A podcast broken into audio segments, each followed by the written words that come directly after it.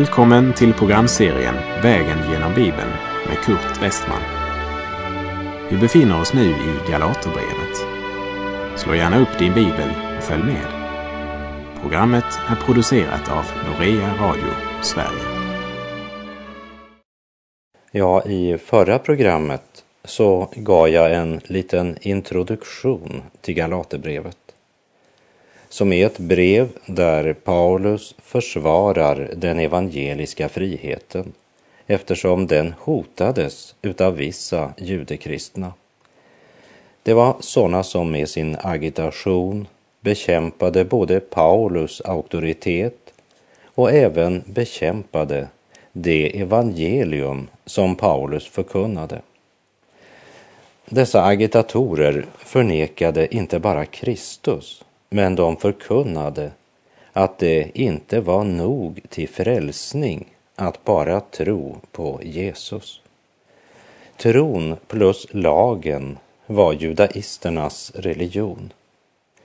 Tron plus ingenting var Paulus svar. Romarbrevet talade om att människan blev rättfärdiggjord utan lagen genom tron.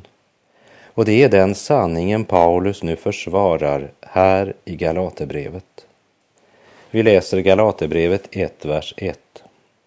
Från Paulus, apostel, utsänd inte av människor eller genom någon människa, utan av Jesus Kristus och Gud Fadern, som har uppväckt honom från de döda så långt jag förstår så är Paulus en av de tolv. Han är den som övertog platsen efter Judas. Vi minns från Apostlagärningarna 1, verserna 21 till 26, att de andra apostlarna, de bestämde sig för att välja en som skulle ta Judas plats. Men hade de elva apostlarna tänkt över hur de blev kallade så hade de varit klara över att det är Jesus själv och ingen annan som både kallar och utrustar apostlar. Jesus hade givit dem uppdraget att vara hans vittnen. Men de hade aldrig fått uppdraget att kalla den tolfte aposteln. Här möter vi väl egentligen det första exemplet i det nya testamentet på frestelsen att sätta verksamheten framför Jesu uppdrag att vara hans vittne. Samtidigt inbillade apostlarna sig att de lät Gud välja, även om de begränsade Guds valmöjlighet till två personer. Gud, visa oss vilken av dessa två du väljer. Jag tror att det är viktigt att vara klar över att det inte finns något ord i Bibeln som uttalats av Mattias och inte heller ett enda ord om hans verksamhet. Hade han varit den Gud hade utvalt så hade vi säkert i alla fall hört något om vad han sagt eller gjort. Och valet av Mattias gjordes också innan anden var utgjuten på pingstdagen. Och av den orsaken så tror jag att den helige ande inte hade något att göra med valet av Mattias. Mattias kallas tyvärr efter mänskligt kriterium. Och jag tror att det sker ganska ofta när församlingen eller kyrkan ska göra sina val. Och även om Mattias var en god och mänskligt sett passande man som hade många goda kvalifikationer och även hade sett den uppståndne Messias så är det inte det som gjort de andra elva till apostlar utan det var att Jesus personligen hade kallat dem. Och det var också det han senare gjorde med Saulus från Tarsus, som vi läste senare i Apostlagärningarna. Det var de elva som valde Mattias genom att kasta lott. Men man gav endast två att välja mellan. Vilken av dessa två väljer du? Och därför är det intressant att Paulus börjar sitt brev med att säga att han är apostel, utsänd, inte av människor eller genom någon människa, utan av Jesus Kristus och Gud Fadern. Han hänvisar inte till kyrkoråd eller äldstebröder. Han är inte apostel i kraft av en examen ifrån ett teologiskt fakultet. Inte heller är han apostel i kraft av en eller annan ceremoni eller invigning eller handpåläggning. Han är helt enkelt utsänd av Jesus. Och personligen så tror jag verkligen att Paulus är en av de tolv. Han är apostel. Apostel betyder sänd eller utsänd. Apostlagärningarna 9, vers 15 till 16 säger Men Herren sade till honom, gå. Han är ett redskap som jag har utvalt för att bära fram mitt namn inför hedningar och kungar och inför Israels barn. Och jag ska själv visa honom hur mycket han måste lida för mitt namns skull. Men vad ska jag då säga, jag som blev avskild som pastor genom att några bröder lade händerna på mig efter att studierna vid bibelskolan avslutats? Det hade ju med människor att göra i allra högsta grad. Och det är också den lagiska, praktiska sidan. Jag tror att även Paulus skulle ha sagt en sådan pastor eller evangelist är jag också. Jag står i en relation till bröderna i Jerusalem och till trossyskonen i de många kristna församlingarna. Så jag har en sådan tjänst. Jag är den sortens evangelist. Men jag är inte en sådan apostel. Ingen människa hade något att göra med min apostlakallelse. Det var Jesus själv som kallade mig till apostel, säger Paulus. Och vi läser Galaterbrevet 1, vers 2. Jag och alla bröderna som är hos mig hälsar församlingarna i Galatien. Det är intressant att lägga märke till att även om ingen människa var inblandad när Paulus kallades till tjänst, så står han tillsammans med andra i den tjänsten. Han är ingen ensamvarg. Och här i vers 2 låter han oss veta att alla de bröder som är tillsammans med honom vet att han skriver och ger tydligen sitt bifall och är eniga i det han skriver. Och tillsammans med Paulus hälsar de församlingarna. Ordet församling kan betyda två olika saker. Dels den universella församlingen av alla troende av olika grupperingar som tror på Herren Jesus Kristus och dels den lokala församlingen, vilket är den betydelse av ordet som Paulus här använder. Det fanns kyrkor eller församlingar på många platser i Galatien. Det var församlingen i Antiochia, församlingen i Pisidien och i Derbe och i Lystra och på andra platser som man hade besökt. Och Paulus skriver till alla kyrkorna där, det vill säga till de lokala församlingarna. I Efeserbrevet riktar han sig mera till den globala Kristi församling, den totala Kristi kropp på jorden, den osynliga kyrkan som består av det sanna, levande troende i alla de olika församlingarna. Men den osynliga kroppen ska göra sig själv synlig i en gemensam kropp. Så varje troende borde tillhöra en lokal kropp av troende Gud har inte kallat någon till att vara ensamvarg. För de enda gånger vi har talas om ensamvargar i den urkristna församlingen så är det sådana som splittrar och är orosmakare som man bör passa sig för. Det kan vara värt att tänka på.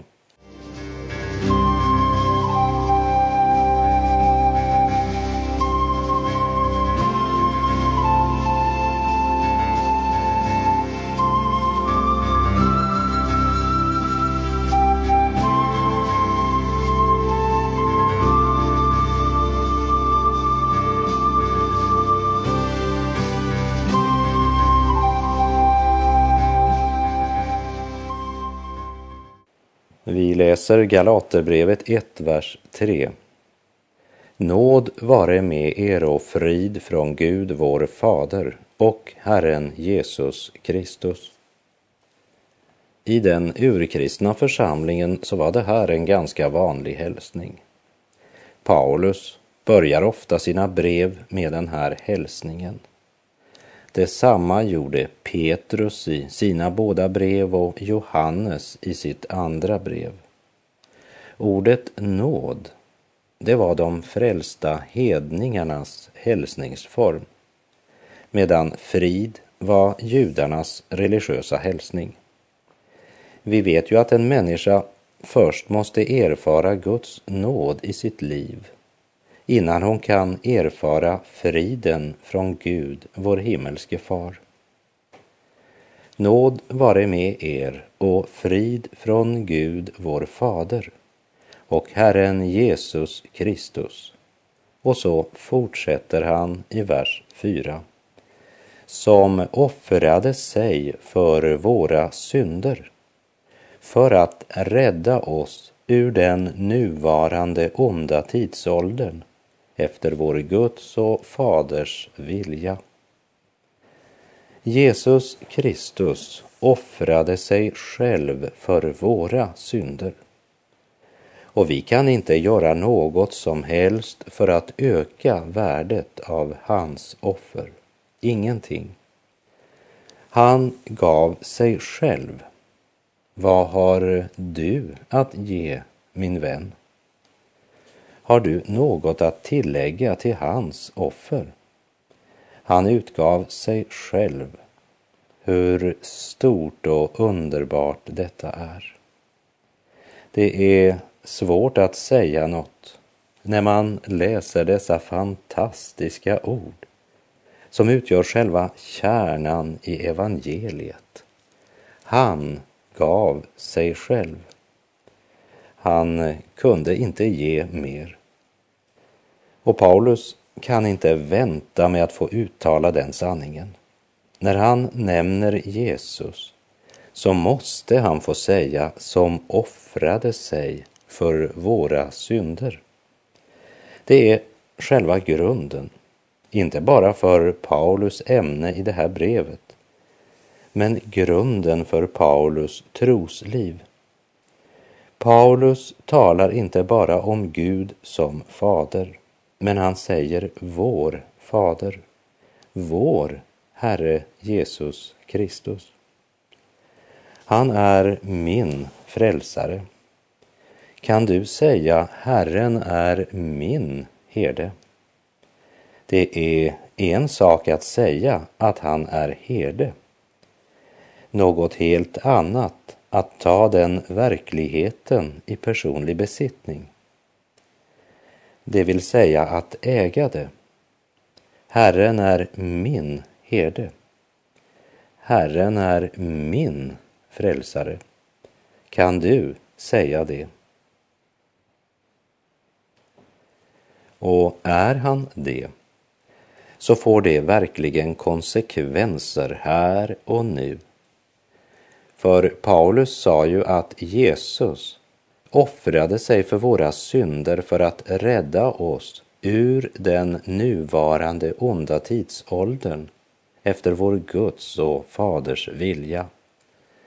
Lägg alltså märke till att Herren räddar oss ur den nuvarande onda tidsåldern.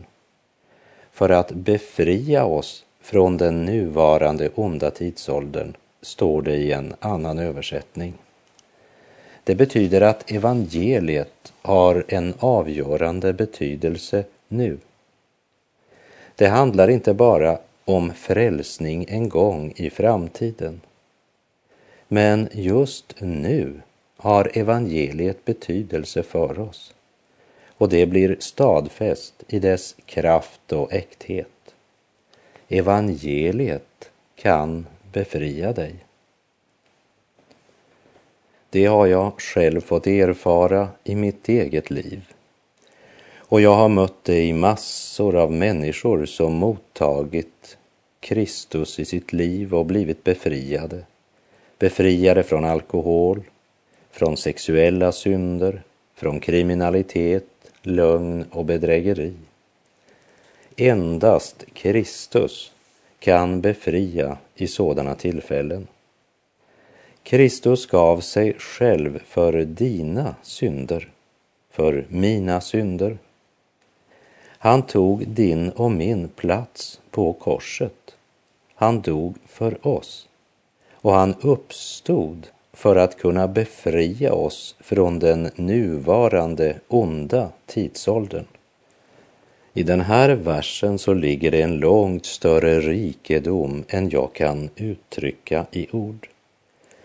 Och jag ber att Guds helige ande må uppenbara den här enorma sanningen för ditt och mitt hjärta, Gud till ära. Och det står inte att han räddar oss efter lagen. Nej, det står för att rädda oss ur den nuvarande onda tidsåldern efter vår Guds och Faders vilja. Han kan befria oss och det sker inte efter lagen. Men det måste vara efter vår Guds och Faders vilja. Och Guds vilja är att du efter att Gud har fått frälsa dig så ska du inte längre leva i synd. Han kan befria dig och han kommer att befria. Det är hans vilja att du ska befrias. Och när vi hör det så får vi lust att ropa halleluja, pris ske Gud. För som Paulus skriver i vers 5, honom tillhör äran i evigheternas evigheter. Amen. Här är det som om Paulus stoppar upp ett ögonblick för att prisa Gud. Och jag är övertygad om att vi alla borde prisa Gud långt mer än vad vi gör. Och låt oss vara helt konkreta. Prisade du Herrens namn och tackade honom när du steg upp till en ny dag idag? Tackade du honom för en ny dag? Du säger, det regnade så väldigt. Ja, ja, men tackade du Gud ändå för frälsningens stora gåva? Lovade du hans heliga namn därför att han gav dig en ny dag? Och till dig som just nu upplever så svåra saker i livet att du kanske fruktar för att stiga upp till en ny dag, så vill jag påminna om att i Första Thessalonikerbrevet 5.18 så står det Tacka Gud under alla livets förhållanden. Detta är Guds vilja med er i Kristus Jesus. Jag kan inte tacka Gud för allt jag upplever i livet. När jag ligger och vrider mig på grund av migränsmärtor så tackar jag inte Gud för migränen. Men också när jag har migrän kan jag tacka Gud för att Jesus har försonat mina synder.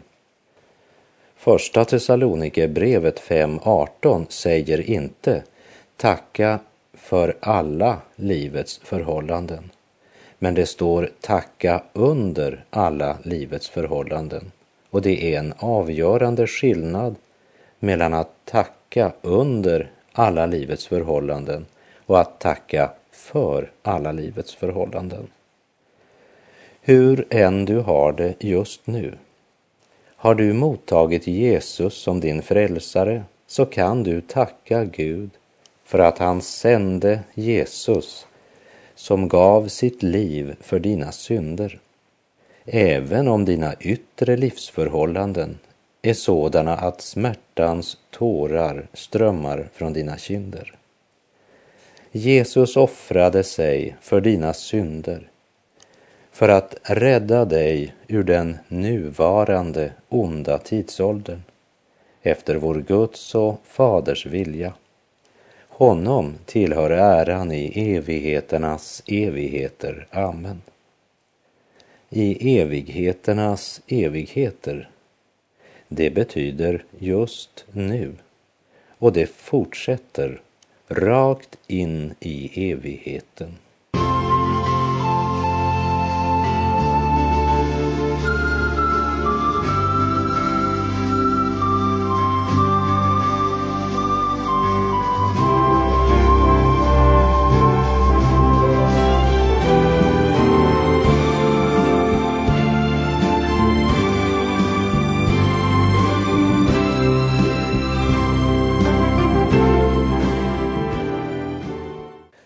Hälsning Paulus inleder Galaterbrevet med, den skiljer sig klart från det han skriver till de andra församlingarna. Till exempel i brevet till församlingen i Rom skriver han Jag hälsar er alla som bor i Rom, ni Guds älskade, hans kallade och heliga. Och därefter kommer nådeshälsningen. Och till församlingen i Korint skriver han till Guds församling i Korint, det som helgats i Kristus Jesus, det kallade och heliga. Och det skriver han trots den synd och brist som helt uppenbart förekom i Korint och som Paulus inte heller blundar för utan konkret tar itu med.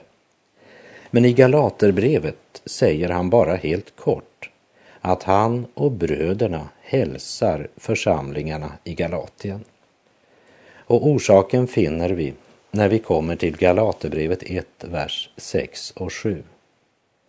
Jag är förvånad över att ni så hastigt avfaller från honom som kallat er genom Kristi nåd och vänder er till ett annat evangelium, fast det inte finns något annat.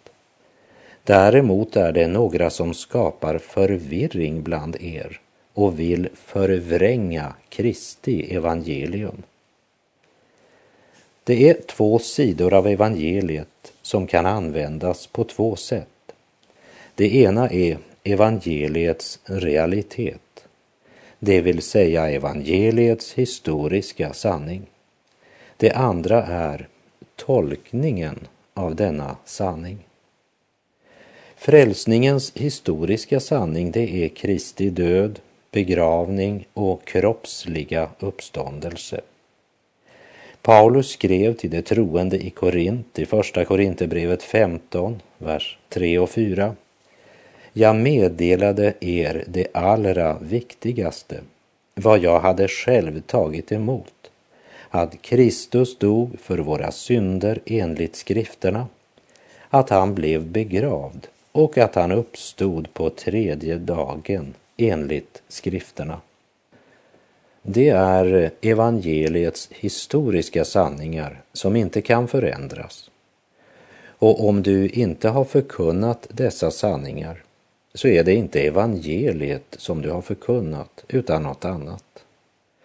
Men den andra sidan av evangeliet, det är tolkningen av dessa sanningar. De ska mottas genom tro plus ingenting. Paulus huvudämne i brevet till Galaterna angår tolkningen av evangeliets historiska realiteter. Judaisterna hade nämligen följt i Paulus spår in i Galatien. Och de hade inte ifrågasatt evangeliets historiska fakta för trots allt så hade ju mer än 500 människor på en gång sett Jesus efter uppståndelsen. Och när du är omgiven av så många vittnen så springer du inte runt och förnekar evangeliets historiska realitet. Men villoläran de spridde gällde tolkningen av dessa historiska händelser. De var mycket listiga, raffinerade och skarpsinniga och sa ungefär så här. Har broder Paulus varit här på besök? Och de svarade, ja, han kom hit och förkunnade evangeliet och vi tog emot det. Vi har blivit omvända. Vi har erfarit Jesus Kristus som vår frälsare och vi tillhör nu Guds kropp som är församlingen. Och då svarade judaisterna, åh, det var underbart att höra. Och broder Paulus förkunnar helt sant eh, så långt som han går. Men han förkunnar inte hela sanningen. Undervisade han er om att man måste hålla Mose lag? Åh, gjorde han inte det? Men det borde han ju ha gjort. Ja, ni ska tro på Kristus, men eh, ni måste också följa Mose lag, för eljest blir ni inte frälsta. Det är den äldsta villfarelse som predikas i Jesu namn. Och det budskapet sprids än idag i olika former. Det lägger något till nådens evangelium. Det handlar mera om att göra något än om att tro något. Det är tron plus något annat snarare än tron plus ingenting. Varje kult eller ism har något som du måste göra för att du ska bli frälst. Det vill säga, man hävdar att den som vill vara verklig kristen måste också hålla Mose lag och låta omskära sig. De troende i Galatien höll på att förlora friheten i Kristus. Och det är för att förhindra det som Paulus skriver sitt brev. Men eh, nu är vår tid ute för den här gången så jag säger bara på återhörande om du vill. Herren vare med dig. Evangeliet är inte tron plus något du gör. Evangeliet, det är tron plus ingenting. Gud är god.